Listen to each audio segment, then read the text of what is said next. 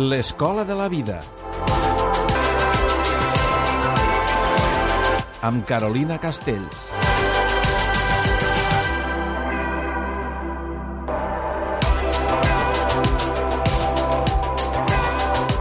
Doncs nosaltres seguim aquí al Recapte i com cada dijous avui contem amb la presència de Carolina Castell, psicòloga de les d'Àurea Espai de Psicologia, que avui, com ja va anunciar la setmana passada, ens porta un tema molt especial per tractar. Bon dia, Carolina, i benvinguda. Hola, bon dia. Avui parlarem de Avui parlem de suïcidi. un tema molt delicat i per al qual ens cal eh, portar autèntics professionals que es dediquen a això, que puguen parlar en coneixement i propietat i ens puguin ajudar a fer el programa encara més, més ampli i més divers.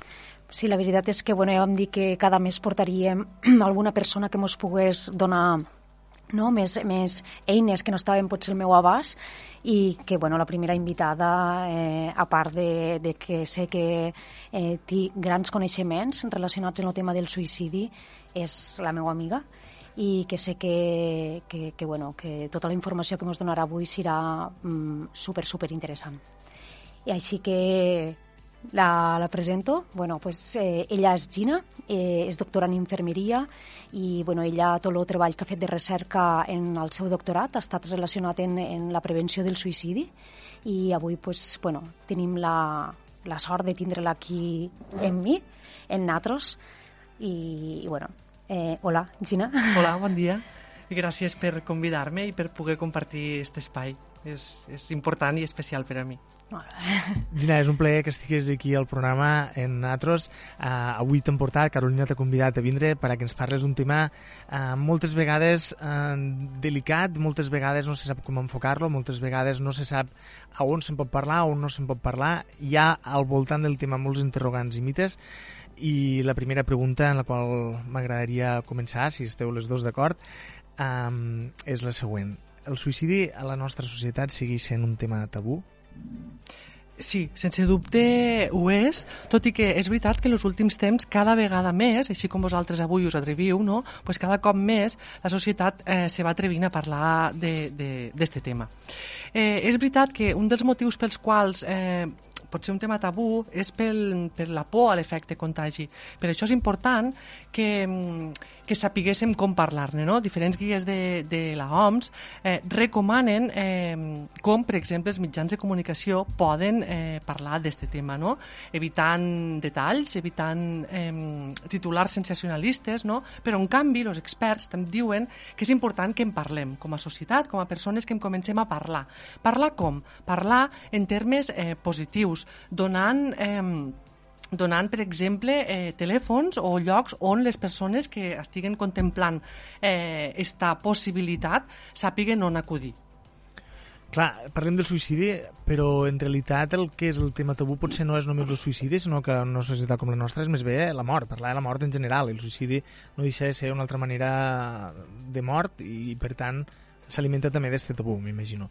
En tot cas, eh, veig que hi ha uns protocols establerts a, a molts nivells, no?, i que potser moltes vegades quan ens fem aquesta pregunta podem anar directament a, a buscar-ho i, i aprendre una mica com, com tractar-ho. Jo, per exemple, no ho he fet, avui n'aprendré a fer-ho i potser serà una primera toma de contacte que espero estar a l'altura i poder-ne parlar en totes les recomanacions que dius que, que n'hi han.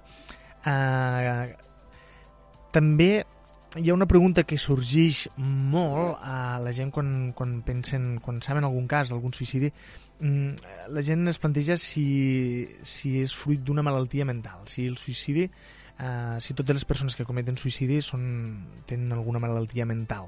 O si bé una persona sana pot arribar a suïcidar-se. Mira, eh, eh, ni totes les persones que, que se suïciden tenen una malaltia mental, eh, ni totes les persones que tenen una malaltia mental se suïciden. Sí que és veritat, però, que un 80 o 90% de les persones que tenen una malaltia mental, eh, o sigui, que els suïcidis van precedits d'una malaltia mental, un 80 o en, en un 80 o un 90%. Eh, quina malaltia mental està més freqüentment associada al suïcidi? La depressió. Vale? Llavors, eh, sí que és cert que, que això, que està este, la depressió o els trastorns de l'estat d'ànim, no? que estan, estan molt relacionats amb el suïcidi. Sí. Però eh, continuo el que dius, no?, de que si una persona sana pot arribar a suïcidar-se, pues, pues com queda este 10%, no?, o este 20%, sí, una persona sana pot arribar a suïcidar-se. Quan? Quan li fallen els mecanismes d'adaptació. Jo crec que aquí eh, és important no, que sigui este programa dins este context, en un context de psicologia, perquè hem de saber també que en un moment donat a qualsevol persona, donades unes circumstàncies adverses a la vida, que malauradament a tots m'on passen, li puguen fallar els mecanismes d'afrontament, d'adaptació, i pugui acabar decidint acabant la seva vida. Clar, això... Per exemple, va passar eh, bueno, en el tema de la crisi eh, econòmica que va haure, uh -huh. sí que va haure moltes persones que de, després d'això, no, que és com un, com un estrès posttraumàtic, no? que realment no saben com afrontar-ho i, i sí que és veritat que es va donar molts de... No? Que, que se van donar casos en què la gent sí. pues, no sabia afrontar allò i realment, i potser aquestes persones abans sí que eren persones que no tenien esta, no? esta, esta depressió o, uh -huh. jo no sé si tampoc, no sé si la base no?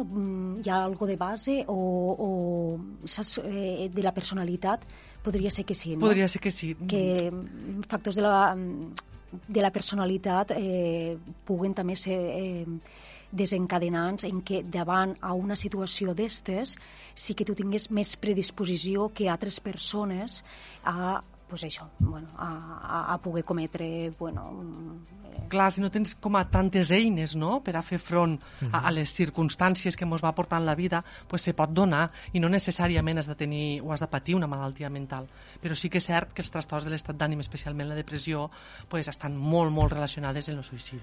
Això moltes vegades al programa en parlem no? de, de l'autoconeixement per arribar a saber uh, com gestionar uh, certes situacions de, de risc o, o, o que posen en estrès no? la personalitat, en, en aquest cas. Eh, I sí que arribem a la conclusió, potser que una persona que no està entre cometes entrenada no? a, a, a, a trobar-se còmode a certs ambients pot tindre més tendència a precipitar-se a desenvolupar unes certes mm, conductes no? potser que, que en una mica d'entrenament, no sé, no sé si és la paraula exacta, eh, es pot gestionar cap a una altra banda, no? Sí, quanta més... Eh, bueno, això suposo que en, en els programes que hem anat dient sí que m'està parlant quantes més eines, quantes més recursos, quan més coneixement d'un mateix tenim, més eh, sabem també adaptar-nos als canvis. Per tant, tot el que parlem sempre de l'autoconeixement, d'anar adquirint recursos, mm. és superimportant i no fa falta este autoconeixement i estos recursos adquirir-los en moments donats de la nostra vida que estem patint, tot i que moltes vegades benvingudes les crisis. Per què? Perquè és el mm. moment en què les persones eh, donem un canvi a la nostra vida, però si ja tinguéssim aquestes eines de base, si ja poguéssim anar eh, treballant-nos, sí que potser en un moment d'estos donats així eh, sabríem sabríem mm. no, com, com afrontar-ho molt bé. D'una manera diferent, sí. Um, si haguéssim de posar, si haguéssim de fer una selecció no, dels de, de motius que, que acaben portant a la gent a, a intentar o a cometre fins i tot el suïcidi, això està estudiat, és a dir, hi ha uns motius determinats, poden ser potser un 30% laborals, un 30% econòmics i un 30%, per posar un percentatge, i eh, motius personals? Mire, mireu, el que, lo que hem de saber el que és, és que el suïcidi és un fenomen multicausal, val? és un fenomen subjectiu, multicausal, multifactorial, que no només hi ha, hi ha un motiu, no? però sí que és veritat que existeixen factors de risc, no? que estan molt estudiats. Uh -huh. eh, entre els principals factors de risc estan el sexe, eh, dins les estadístiques els homes se suïciden tres vegades més que les dones, encara que les dones ho intenten més. També està l'edat, el suïcidi se concentra arreu del món als extrems d'edats, o sigui, les persones majors de 65 tant homes com dones, i cada cop més les persones joves, sobretot bueno, dels 15 als 29 anys. Mm -hmm. Vale? Un altre factor de risc, com hem vist anteriorment, ha sigut, eh, bueno, o és la malaltia mental. Eh, a part dels trastorns de l'estat d'ànim i la depressió, altres patologies que també s'associen al suïcidi són eh, la, el trastorn bipolar, el trastorn per abús de substàncies, especialment l'alcoholisme, i per, per últim, o més d'atràs, no, els trastorns psicòtics o l'esquizofrènia. Després, un altre indicador també, que és que l'hem de tenir molt en compte, és que quan una persona ja ho ha intentat anteriorment, és un dels principals factors de risc.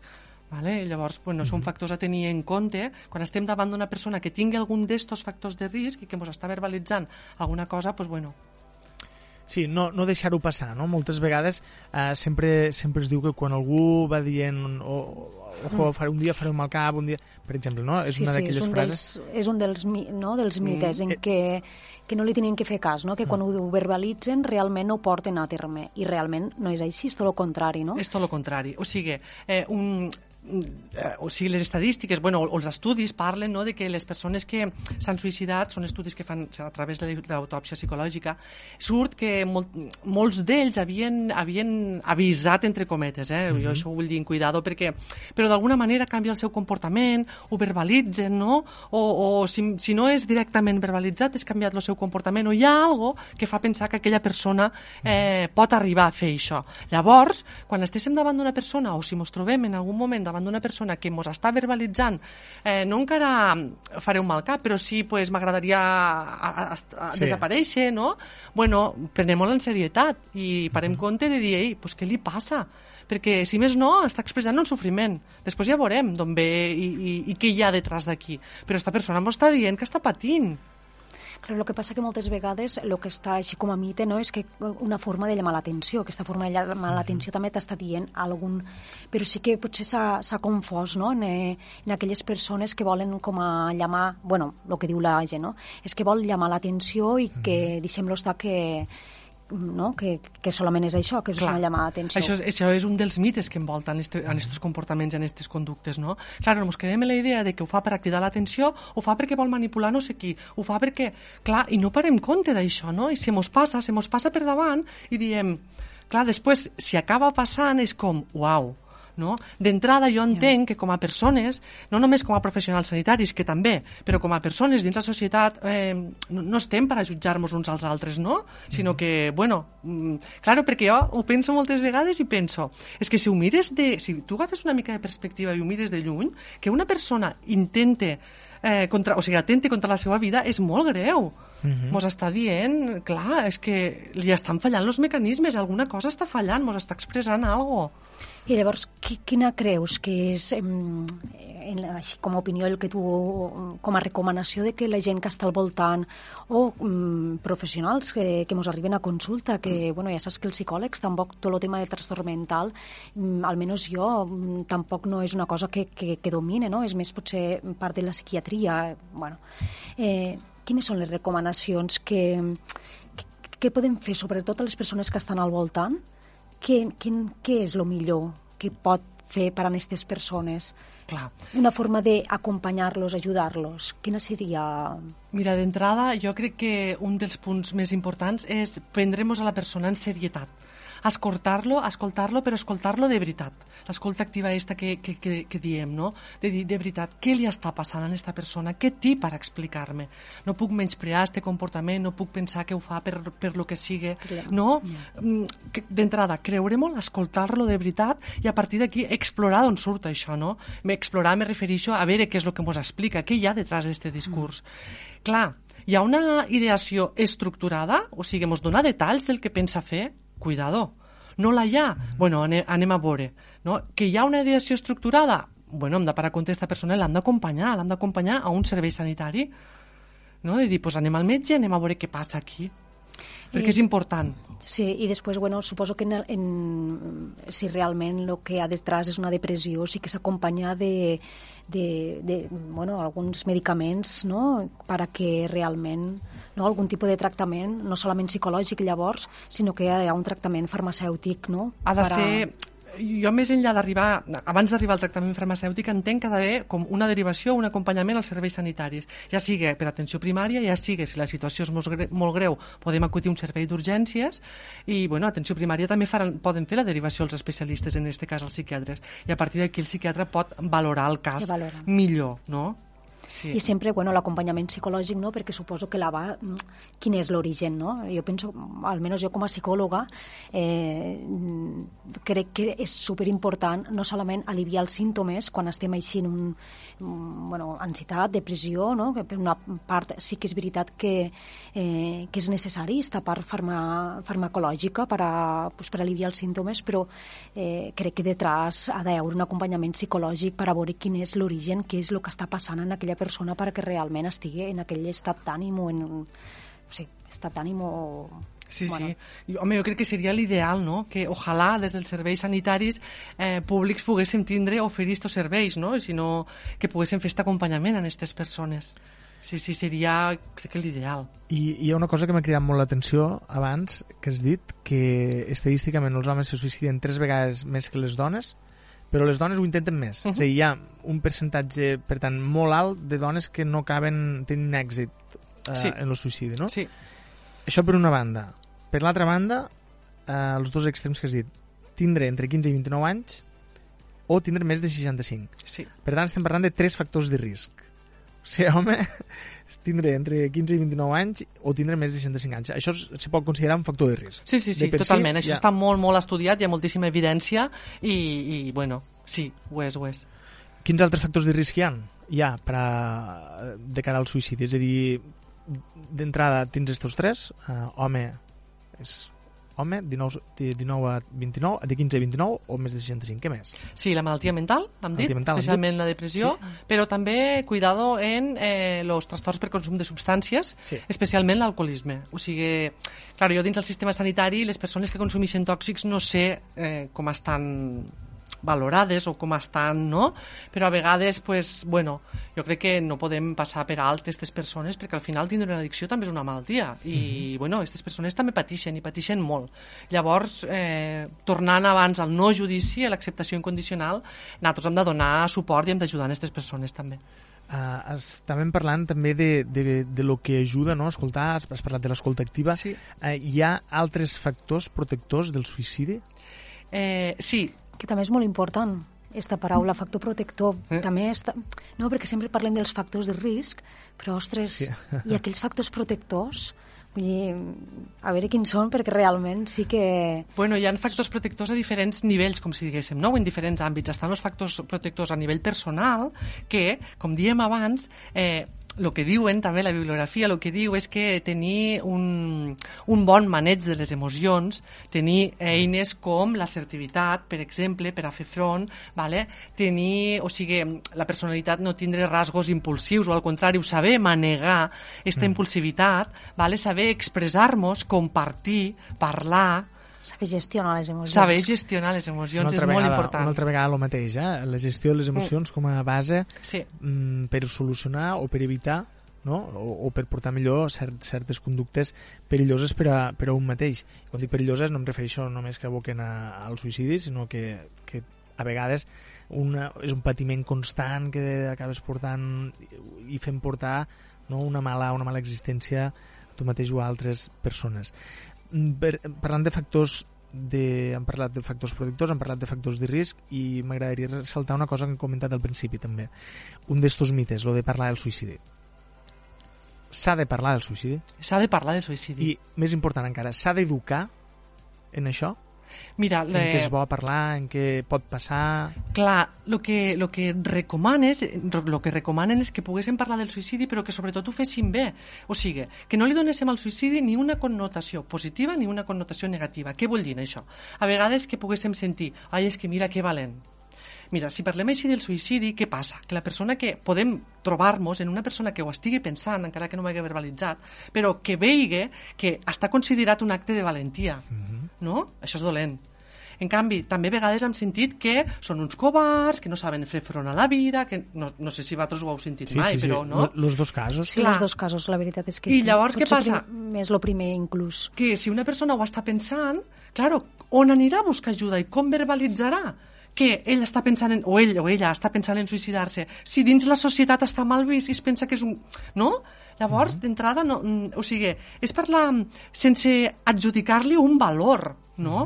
Jo crec que com a societat, més enllà de sanitaris o professionals, com a societat, crec que el repte és aconseguir parlar de suïcidi com igual que parlem d'un infart, no? O sigui, ui, ha mort d'un infart. Bé, doncs bé, i què, Sí, què fem quan algú mort d'un infart? No fem res, no? I, i pues, hauríem d'aconseguir parlar del suïcidi Bueno, com un una cop- forma de mort. Un cop més el judici, no? Clar. El judici que fem, que, no? que te se'n va, lo, això ho vam parlar l'última vegada, no? Los judicis, el tema de la culpa, no? Lo bé, el malament, i en aquest cas potser seria no? que detrás hi ha un judici, no? Sí. Detrás de, de. Eh, que et fa que tu pugues o que te decanten cap a una cosa o cap a l'altra, però que hi ha un judici que pot ser aquella persona I no li comencem- ajuda a poder-ho verbalitzar d'una forma sense judici. Clar. Clar, comencem a, a indagar, no?, de, ah, doncs ho ha fet per això, ho ha Sí, fet per clar. allò, perquè no sé què. Clar, aquí, eh, és el que dius tu, Carolina, és el judici, o sigui, no... no no, no, pues el que hauríem d'aconseguir és no propagar tot això, no? Pues si ens diuen que algú mor per suïcidi, pues malauradament, no? Pues mort per suïcidi. Després, parlar als mitjans, que això que esteu fent avui jo crec que és superimportant i que també ho hem d'anar aconseguint poquet a poquet. Els mitjans, com he dit abans, han de parlar d'una forma responsable. No, no, no, no busquem oients en este cas, no? Busquem mostrar històries d'èxit, bu- busquem donar eh, alternatives o llocs on poder acudir la gent i busquem entre tots, entre tots com a membres de, de la societat, anar trencant estos mites i que, bueno, normalitzéssim esta forma de mort, perquè al final és una forma de mort. Hi ha una cosa per relacionar tot el, tot el que esteu dient, el que estàs dient, Gina, i el que, està, el que ha dit Carolina abans també. Tu has parlat que quan algú es mor d'un infart no, fe, no fem res, però sempre hi ha algú que diu, "Ostres, és que fumava massa. No? És que fumava... És que massa. Portava mala vida. Portava mala vida, portava no sé què. I quan algú mm, comet suïcidi, eh, mai mai fem la reflexió de dir, ostres, és que potser, potser no el vaig escoltar prou, o potser, no? i potser hauríem de ser conscients també que moltes vegades, tornant a lligar en tot el que hem dit, hem d'estar una mica atents a les persones que, que demostren alguna cosa així. Suposo que les persones que estan al costat, perquè també, o crec que potser sí que algunes persones se deuen de sentir, no, ostres, l'he pogut escoltar més, sobretot la família, no, imagina't, però un cop més crec que no tenim els recursos, inclús les persones del costat. Mm, altra vegada, això del judici també hauríem, ojalà les persones eh, dels nostres voltants eh, també tinguessin els recursos com per a poder fer front a tot això. I suposo que també eh, deu d'anar, los deu d'anar una mica, mos deu d'anar una mica grans, no? I, i, i no saps com, af, com, com Clar. afrontar-ho. Jo entenc que... la, la informació mm, superimportant I, en aquest cas. I també una Bueno, mica lo no patir pel que diran, pel que pensaran, una mica el que dius tu abans al principi, Gina, si detectem un cas al, a, als nostres voltants, ser capaç de dir, anem al metge que jo t'acompanyo, no? Clar. Clar, perquè això que diem ara, jo també, eh, a pesar de lo que diu l'evidència, que és una cosa, però per una altra part, eh, jo també entenc a les famílies, que és el que dia ara Carolina, que no tenim les eines moltes vegades i que no tenim els mitjans i que no, no sabem com fer-ho i que ara estéssim parlant d'aquí no vol dir que els podrem prevenir o evitar tots, no? I que malauradament alguns no es poden ni es podran evitar. I que mm, hem de també donar suport a aquestes famílies no? i acollir també, perquè pensem, una altra de les coses importants és que per cada suïcidi queden sis supervivents, que són sis persones afectades de per vida, una mitja de sis persones. Llavors, esta persona, aquestes persones del voltant també necessiten tot el nostre suport com a professionals i, i com a societat. No? I aquí és on ve la relació en tot el que estem dient ara, no? anar trencant els mites i anar deixant de aquestes connotacions associades a aquesta forma de mort i anar fent un acompanyament a aquestes famílies també Mm, per atreure, perquè sí que és veritat que és una forma de mort que em, crea molta culpabilitat a les persones del voltant. parlant Sí. a, I això és programa. molt dur, o sigui, recuperar-te d'un dol per suïcidi és molt dur. Llavors, eh, hem de, jo des d'aquí no, vull també donar suport o, o, o pensar en aquestes persones. Vull dir, no estem aquí només per a, per a parlar d'un tema que és complicat, que sí, però per a, per a totes les persones im- implicades en el que pugui ser un suïcidi, no? que al final són moltes. És veritat, és veritat. Tota la gent que queda al costat que també, pues, Que pensen- segurament, no? Eh, ostres, si hagués fet això, ostres, si hagués fet allò, no? I aquesta culpabilitat que no l'han de tindre mai en cap cas, perquè tothom fa el millor que sap en els Sempre, recursos sempre. que té i en Sempre. el seu nivell de consciència. Clar que sí. I més en casos així. Uh, I tornant al tema dels mites, Mm. si em permeteu, un altre mite que recordo haver llegit alguna vegada que deia que la gent que vol cometre suïcidi, uh, quan, quan estan a punt de fer-ho, se comporten com si estiguessin millor que mai amb la resta de gent que tenen propers, no? Oh, com estàs avui? No, avui estic molt bé, avui estic no sé què. Mireu, No això... sé si és un mite o si, i per això t'ho No, pregunto. això fer aquest existeix d'alguna manera, o sí que ho he llegit alguna vegada, perquè què passa? Quan, quan estes solen ser els que estan associats a, a una malaltia mental, no? Quan una, una persona està tan, tan, tan malament, se troba tan malament del, del que li està passant, de la malaltia que té, en aquest cas podríem parlar de la depressió, no té força. No té força ni per a ni per a portar a terme una conducta d'estes. Però de vegades, quan se recuperen una mica, sembla que la ideació no ha desaparegut del tot, però quan estan una mica més recuperats, troben la força, Força per a per a- donar el pas. Això s'ha donat a vegades. no? Depressió, Algú que... aquesta seria la eh, bipolaritat o no fa falta que sigui... Eh, El més associat al suïcidi és la depressió, però sí que és veritat que el trastorn bipolar està dins dels trastorns de l'estat d'ànim que també es pot donar. Lo No, que hi ha... està, eh, com, com dius, esta part, no? que estàs com una mica més en força, no? podria, no sé fins a quin punt, però sí que pot ser, no? seria esta part de, de bipolar, no? que pogués, no? en un... Sí, estaria, podria estar així o no, o no fa falta. Eh, No sé molt bé, o sigui, És a dir, eh, la part de, del trastorn bipolar sí, sí, que quan té una pugen, fase... Sí, clar, no? eh, depenent de, de, com, de com ha estat la fase depressiva, si ha aparegut aquesta ideació i aquesta ideació persisteix, el que passa que pot, se pot donar, clar, sí, Una fase Sí. d'eufòria, no? sí, se podria donar. Sí. És interessant. és, sí, és, un, és una cosa que sempre, sempre ho vaig llegir fa temps i em va cridar l'atenció. Dir, clar, llavors tu el moment que te confies dius, oh, doncs em vaig un moment a no sé on.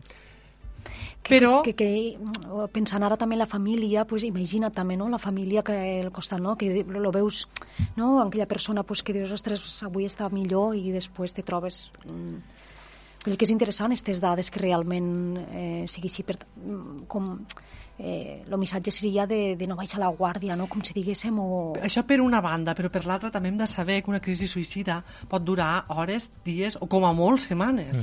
no? Vull dir que eh, això que pensem, o que si ho han pensat alguna vegada, que el suïcidi no es pot previndre, que, que d'alguna manera pot ser sí. Sabeu, per una banda està que en un cas d'una malaltia greu, o sigui, d'una depressió greu, se podria donar que la millora passessa, Vale? Però, per una altra banda, han de saber que les crisis suïcides, o sigui, una persona perquè ha sigut suïcida no serà suïcida tota la vida, i que podem intervindre.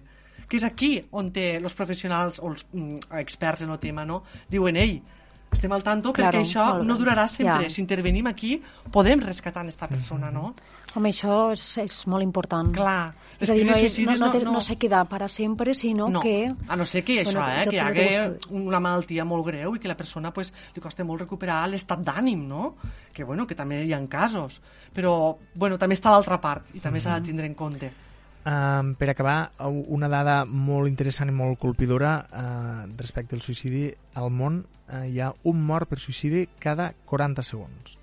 Això, d'entrada, són dades esferidores, perquè no, vull dir, si pensem que és cada segon de cada minut, de cada hora, de cada dia de l'any, és molta gent. Com podem actuar davant d'una persona amb voluntat de suïcidar-se? Mira, abans de, de contestar-te aquesta última pregunta, aquí tinc les dades de l'any 2018, que són les últimes que disposem. Normalment l'Institut Nacional d'Estadística, l'INE, publica les causes de mort eh, cap al 19 de desembre. Aquestes dades estan publicades al 19 de desembre del 2019, però corresponen a les del 2018. Jo les he volgut portar perquè ens féssim una idea de la magnitud del problema. No? A, a Espanya, l'any 2018, van morir... Eh, espera't que ho tinc aquí, 3.539 persones. Vale? Sí que és veritat que van baixar una miqueta els suïcidis respecte al 2017, un 3,8. D'estos, 2.619 van ser eh, homes i 920 van ser dones. A Catalunya eh, han pujat una miqueta els És, és suïcidis. ben bé el triple, eh? Sí. A Catalunya han pujat una miqueta, van haver l'any 2018 522 morts, 381 van ser homes i 141 dones. I concretament a Tarragona 59 morts, 40 homes eh, i 17 dones. Oh. Vale? Llavors, eh, estos dades eh, és important que les coneguem perquè ens féssim, con, perquè ens féssim un compte de, de la magnitud del problema. No? Eh, clar, eh, el suïcidi és la primera causa de mort no natural de defunció per davant dels accidents de trànsit i les morts per violència de gènere. En canvi, no es fan campanyes d'això. eh? Molt bé, aquí venia, no? Sí, aquí que venia que, és curiós. es- està molt bé que pels accidents de tràfic i de trànsit i les morts per violència de gènere eh, hi hagin campanyes i, i clar que sí que n'han d'haver, però clar, el que demanen i, el que demanem és que hi hagin, hi, hagi, hi hagin campanyes de prevenció de la conducta suïcida, se necessita un programa de prevenció de la conducta suïcida a nivell nacional, Més visibilitat, no? totalment. És que és està- veritat, no, no, no, hi ha, no hi ha, no hi ha res. No hi ha recursos. Està el telèfon de l'Esperança, per exemple, però és, és un recurs eh, privat, que és un, un grup de gent que es gestiona, no? però no, no, no hi ha a nivell estatal i es necessita un programa de prevenció de la conducta suïcida, perquè experts, eh, bueno, documents de l'OMS, parlen de que el suïcidi es pot previndre. Per tant, és important. És interessant. És, és important, És és, interessant important, sí. dir-ho i visibilitzar-ho. El, cas, el que passa amb els accidents de cotxe, per exemple, és que hi ha molts interessos econòmics al darrere i companyies d'assegurances que es juguen diners cada vegada i per això es fa tanta campanya, entenc, i en canvi no se'n fa per això, potser perquè mm, les persones eh, en segons quins àmbits acaben passant en un segon terme. Però això seria un altre debat, en tot Sí. cas. I llarg, i llarg. Ja, ja ho parlarem un altre dia, si convé. Uh, la, la dada que mos, enque- mos acabes de, de donar unes dades esfereïdores, uh, esfereïdores, si penso a nivell de món, un mort cada 40 segons és esferidor, És brutal. és terrible Mm. i, i, i llavors això vol dir que potser podem pensar que poques coses se, po se poden fer davant d'una persona que vol arribar al final en això, no? No, jo, ja que Clar, estem sí, sí. al final, no, i que preguntaves abans què podem fer davant d'una persona, pues, ho repeteixo una mica, però crec que és superimportant, us han de prendre la persona en serietat. O sigui, d'entrada, esta persona ens està verbalitzant algo. Pensem que eh, en aquestes persones eh, és molt freqüent que es troben ambivalents entre la vida i la mort. No està clar que vulguen morir, però el que està clar és que volen deixar de partir, patir. A partir d'aquí, eh, ens està expressant un gran sofriment. Són persones que pateixen molt. Les han de prendre en serietat, les han d'escoltar de veritat. Mirar-los a la cara i voler-los escoltar, de veritat, què li està passant a aquesta persona, vale? acompanyar-lo, que parli, perquè jo crec que, bueno, he sabut o no, i tu m'ajudaràs en això, Carolina, que el fet de verbalitzar les idees a una persona lo poden ajudar a resoldre-les, no?, d'alguna manera, o posar-les veu, clar, llavors que verbalitze, que parli del que li està passant. Clar, li podem donar altres punts de vista, o el simple fet de verbalitzar-ho li pot, no, ho pot veure d'una altra manera. A partir d'aquí, si la ideació és irreductible o veiem que la situació és molt greu, podem trucar al 112, podem trucar al 061 o podem acompanyar un servei sanitari perquè sigui un professional el que faci la intervenció. Sí, bueno, a mi m'ha quedat un dubte de que, no sé, si hi ha estudis eh, al respecte de que si les persones que han estat acompanyades o que sí que han buscat aquesta ajuda, que suposo que el que molts los és difícil potser buscar, no?, aquesta ajuda, eh, han pogut, mm, s'ha pogut previndre molt més el suïcidi que altres persones que potser no, no han buscat ajuda, és a dir que no sé si... Clar, no se esta sap dada això. concretament no la No se tinc. sap. No, no, No, per tinc, saber, no, la que tenim. realment la importància de que quan passa una cosa d'estes així, ostres, portar-lo a algun lloc... Però sí que és veritat que, que relacionat amb el que diem abans, no, de que la ideació pot ser passatgera en un moment donat, intervindre en aquell moment, Claro. claro, acompanyar-lo, a vegades és com que és greu o no és greu, això què serà? Bueno, doncs anem a veure-ho, anem a veure-ho. Si ens prenem a la persona en serietat, si realment veiem i sabem que està sofrint i que li passa alguna cosa, anem a veure què li passa. Potser només el fet de, fer, de fer-ho, d'acompanyar-lo ja, fa- ja canvia alguna cosa, no? També en l'estat de... És que clar, jo crec que val més fer i que després, pues, bueno, no sigui res, pues, que hagi, hagi passat, no? però que si no, no en fem compte i, bueno, no, prenem-nos en serietat i anem a veure què li passa a aquesta persona de veritat. I després ja veurem.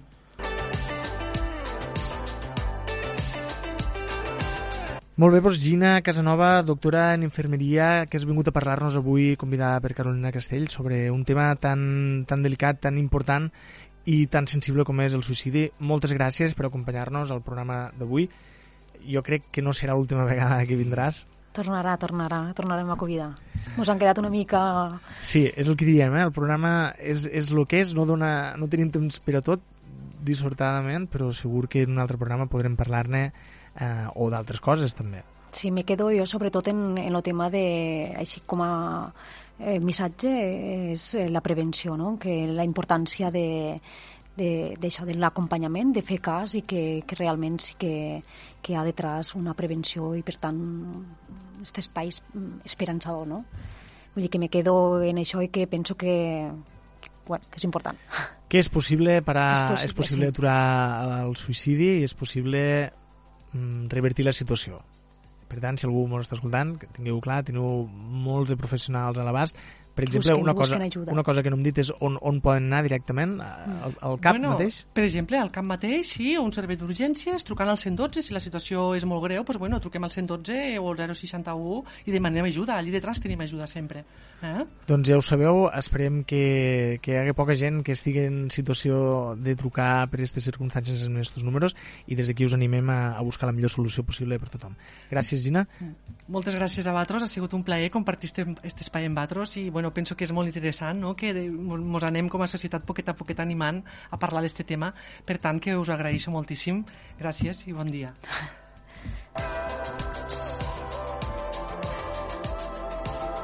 Molt bé, Carolina, ja, ja hem despedit a, a Gina per uns moments. Vull dir, els nostres oients han de saber, Gina està aquí encara, però ara la deixem de banda. Ah, M'ho he passat molt bé, hem après moltes coses avui, i eh, per tancar el programa d'avui, Carolina, sí que m'agradaria preguntar-te, este cap de setmana tenies uh, una cosa programada? Este fin de setmana anem, bueno, eh, i relacionat amb el que estàvem parlant no, de les eines que hem dit eh, en el programa, que sí, bueno, anem a l'Ametlla de Mar a fer la tercera edició del taller d'autoconeixement, així que, bueno, és la trilogia, este 8 de febrer, eh, a l'Ametlla de Mar, si algú està interessat, encara queden places, i res, ens veiem el dijous de la setmana que ve, que per cert ja tenim tema, perquè sí que hi ha oients que han començat a, a, a dir temes i parlarem sobre la por a estar sol.